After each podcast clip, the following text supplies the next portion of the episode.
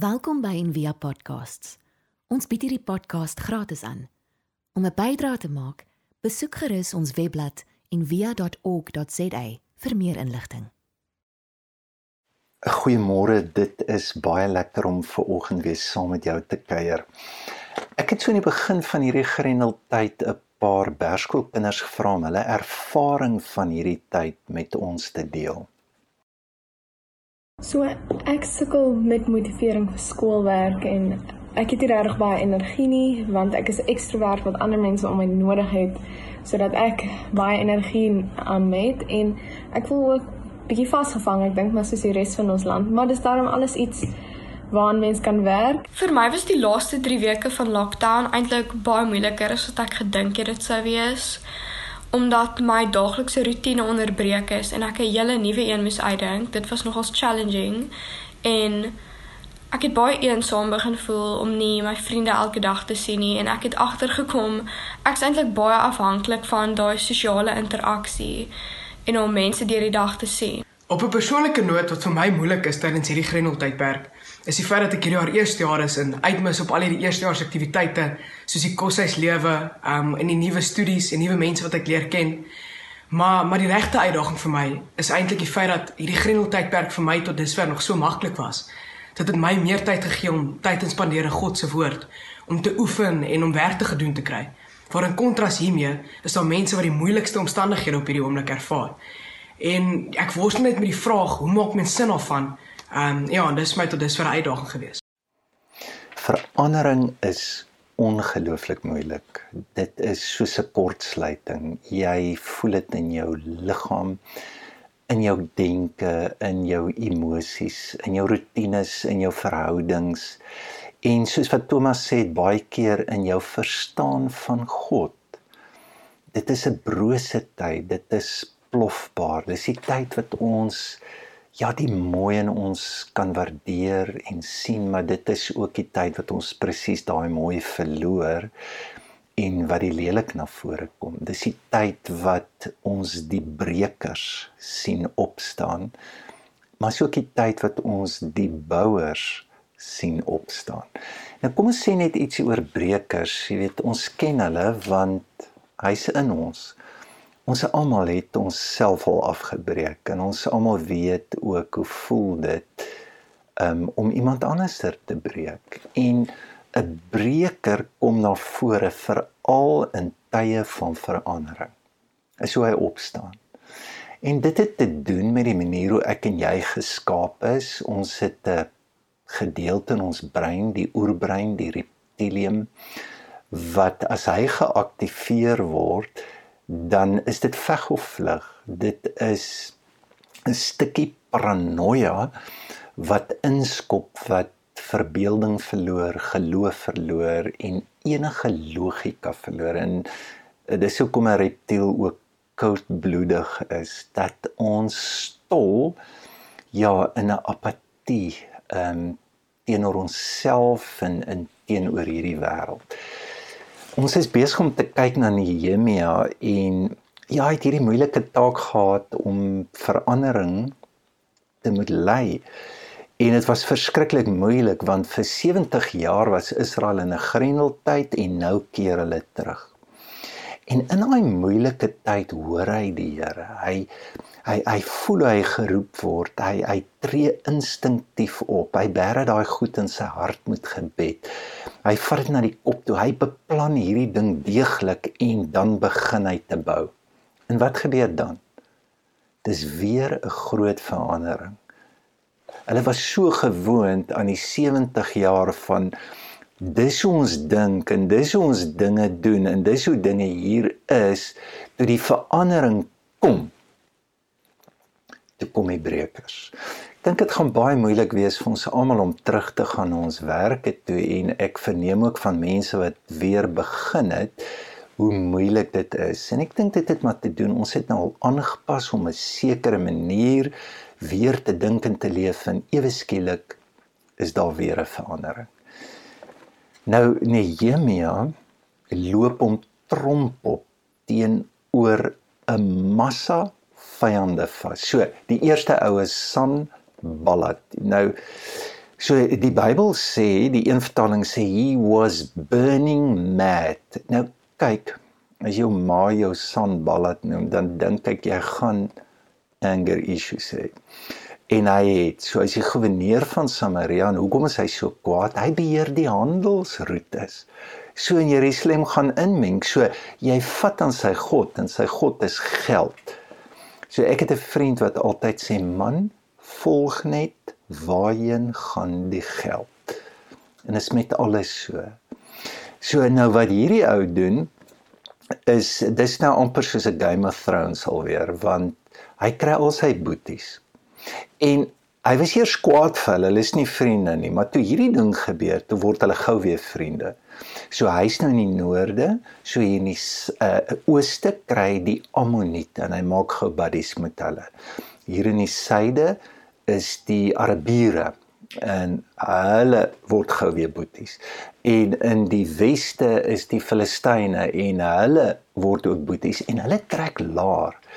Hulle versmoor vir ou Nehemia en dis dreigemente, hulle reël snipers. Dit is sarkasme. En Tobia is so een nou ek dink hy's nou meer 'n bangerige ou. Dan sê ag nee man, laat hulle maar bou hierdie bouery pla ons nie.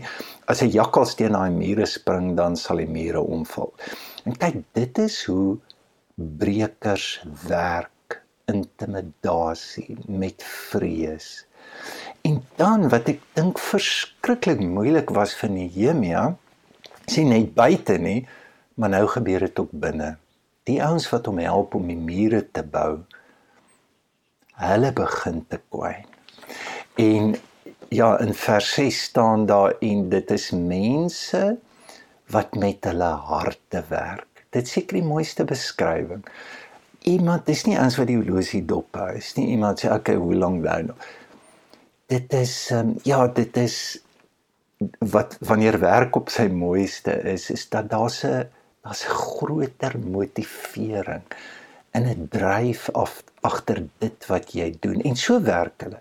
En dan net 'n paar verse verder. Staan en die draer se kragte gee in die pyn is te veel en hulle gaan nie klaar kry nie in vers 10. In ons lewe is baie soos ons lewe tussen vers 6 en vers 10 nê. Ons gaan van moed na vrees toe, net so van hoop na pessimisme net so van geleenthede na frustrasies en woede. En Nehemia sit in die middel van dit. Wat met hom gebeur, dis die perfekte storm. Dit is soos skaakmat van alle kante af. So wat doen hy? In die eerste plek, hy hardloop nie weg nie. Hy bly jy sien nie dat hy mense die moniseer en verkleineer.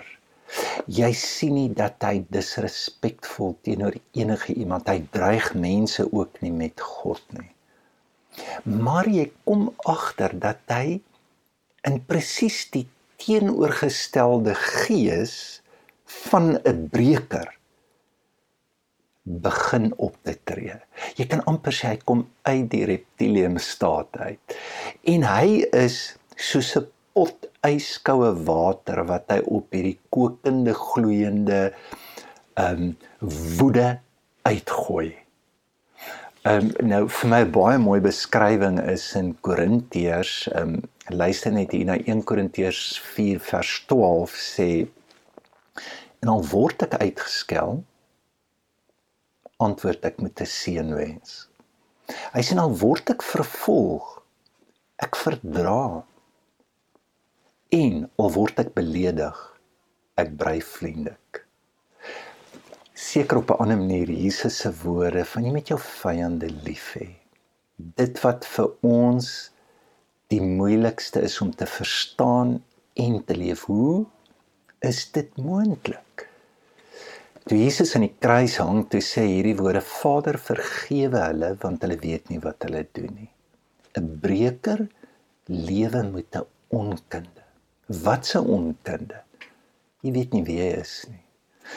Want as jy weet dat jy na God geskape is en dat jou diepste geskaapenheid liefde is, dan kan jy nie seermaak nie.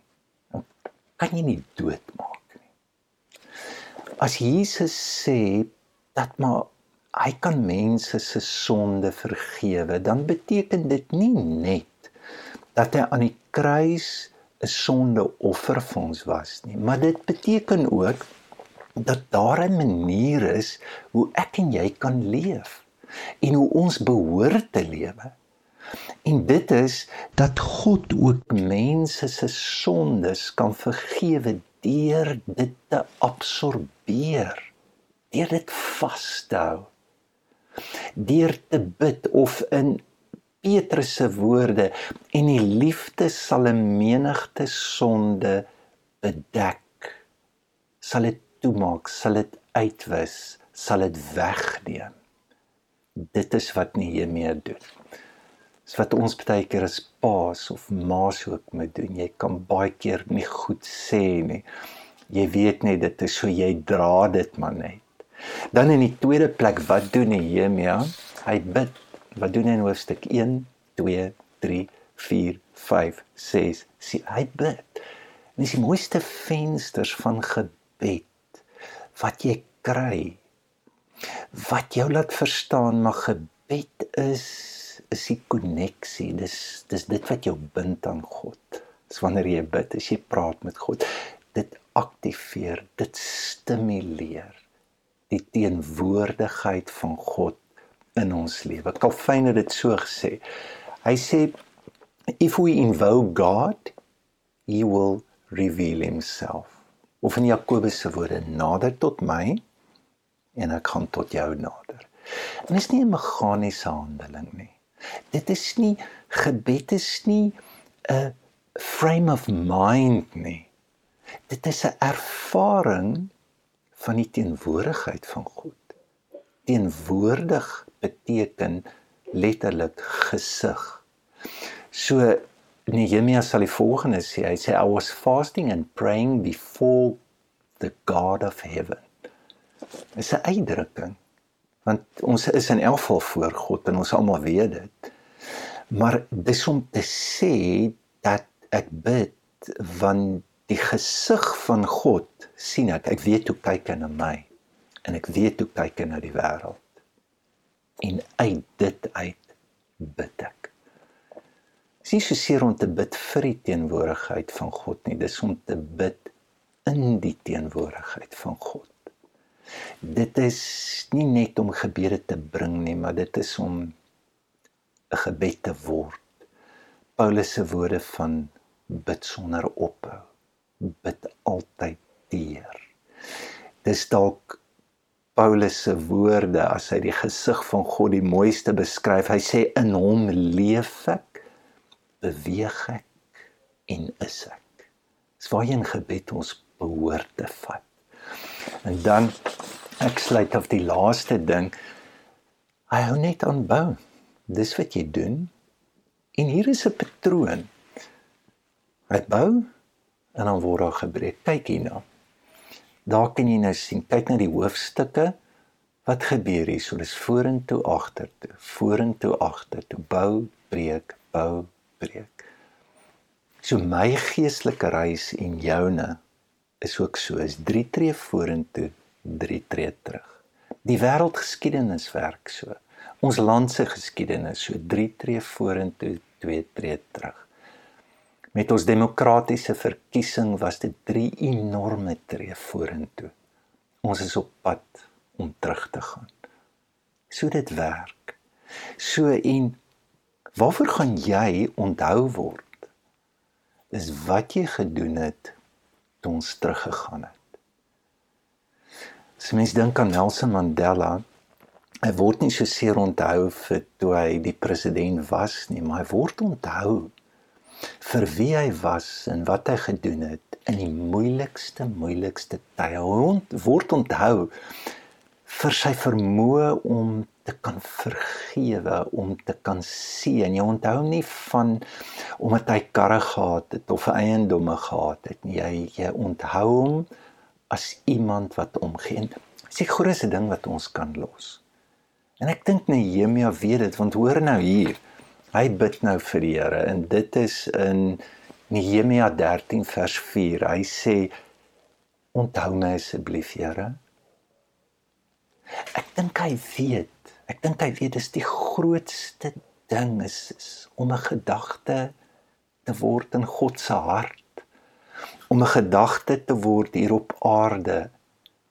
Ehm um, nie nie omdat jy 'n naam hier wil los nie, maar omdat jy iets van hom hier gelos het waarin jou naam toevallig gekoppel was en wat jy uit genade hier kon gee. Hy sê onthou my asseblief, Here. En ons onthou hom. En nie net vir hom nie, daar's 'n hele hoofstuk van al die mense wat die muur gebou het. Hoekom word hulle name neergeskryf? Hoekom is daar hierdie lang geslagsregisters? En dit is so mooi as jy dit lees. Dit klink omtrent of jy op die Weskus is hy die ou poort, die vispoort, die vullispoort, die dalpoort, die waterpoort, die skaappoort. Ehm um, en dan noem hy al die families wat daar gewerk het. Waarvoor gaan jy onthou word? En weet jy wat? Ons raak baie keer so opgeneem oor die breekers, oor wat hulle sê. Ons word so getrakteer met hulle nonsens en hulle vuil was goed dat ons vergeet om die muur te bou. Hier's iemand wat weet hoe hy weet hy moet die muur bou. Dis iemand wat nie perfek is nie. Dis iemand wat ook die breker in hom raak sien. Jy al gehoor bid hy op 'n kol, ek dink nou daaraan. Hier in vers 4, hy sê Here, laat die smaad op hulle koppe kom. Maak hulle ballinge, moet hulle nie vergewe nie. Moenie hulle sonde uitwis nie want hulle die bouers beledig. So hier verloor hy dit. Hier gaan hy oerbrein toe. Maar wat so mooi is hiervan is hy gee om vir mense. Moenie my bouers beledig nie. En dan 'n ander groot ding wat ons kan leer is jy sê hierdie goed vir God, nie vir mense nie. Hy weet dit. Dis die uitnodiging. Ehm um, ja, wat 'n lewe. Hy hy hy worstel want ek dink hy's 'n ou wat weet dat kritiek hanteer hy in gebed want daar mag dalk ook waarde wees in dit. Hy is die ou wat ek dink dit in gebed uitworstel want hy moet uitvind maar vir wie lewe hy? Vir 'n gehoor van een of vir die bouers of vir die vyande? Ek sluit af hierdie week was ek en Wilma so geraak. Ons is Kaimandi toe, ons gaan kerbe en mamma daar. Dit was net na die reën, na hele ou vertrekkie het verspoel. Daar's emmers in die vertrekkie wat daar's gate in die dak. Sy het 'n dogter wat blind is. Sy gee vir 200 mense kos elke dag. En weet jy hoe doen sy dit? Met 'n lied in haar hart. Weet nie of sy nog 'n werk gaan hê nie sy gee uit haar gebrek uit verander. Dit raak. Daar's engele wat hom bou, wat onder die radar is in hierdie wêreld in ja, mag jy vandag voel hoe die Here jou uitnooi om te midde van ja, as dit voel of alles val, is dit presies die tyd om op te staan. Ons hoop van harte jy het hierdie podcast geniet of raadsaam gevind. Besoek gerus en via.ok.za vir meer inligting.